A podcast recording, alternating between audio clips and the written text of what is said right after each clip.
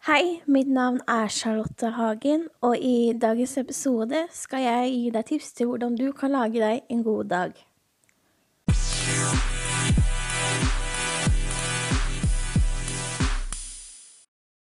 Hei, og hjertelig velkommen til en ny episode av min podkast.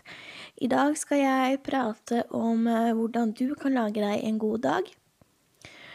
Det første du bør gjøre, er å starte dagen med å fortelle deg sjøl at dette blir en bra dag.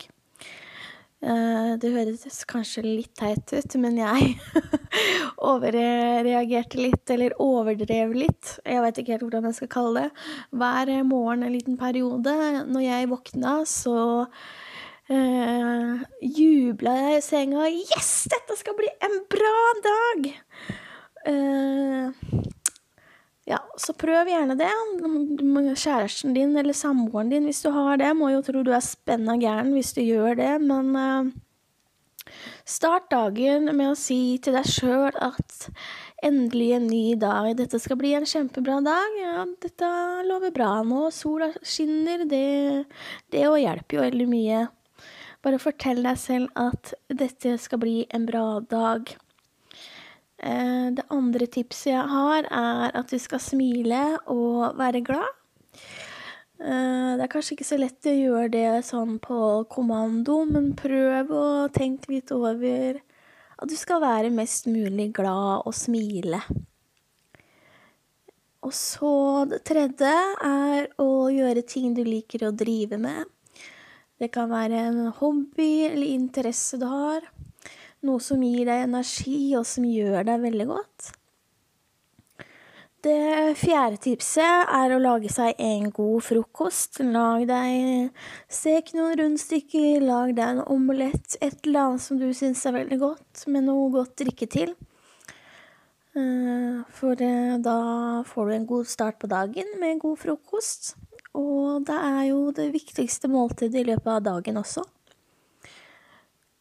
Det femte tipset jeg har til deg, det er å begynne å tenke over de små øyeblikkene som gjør deg glad. Ting som du setter pris på, og som du er takknemlig for. Det kan være eksempel en kopp kaffe, at det er fint vær, eh, samtale med en venn eller venninne, det kan være en gåtur som du er veldig takknemlig for å ha fullført. Ja, det kan være hva som helst. Det er bare du som bestemmer hva som gjør deg godt, og hva du er takknemlig for. Og så er det viktig å gå en eh, tur hver dag. Det anbefales jo å være aktiv minimum i 30 minutter hver dag. Og så anbefaler jeg deg å være sosial sammen med andre hvis du har mulighet til det.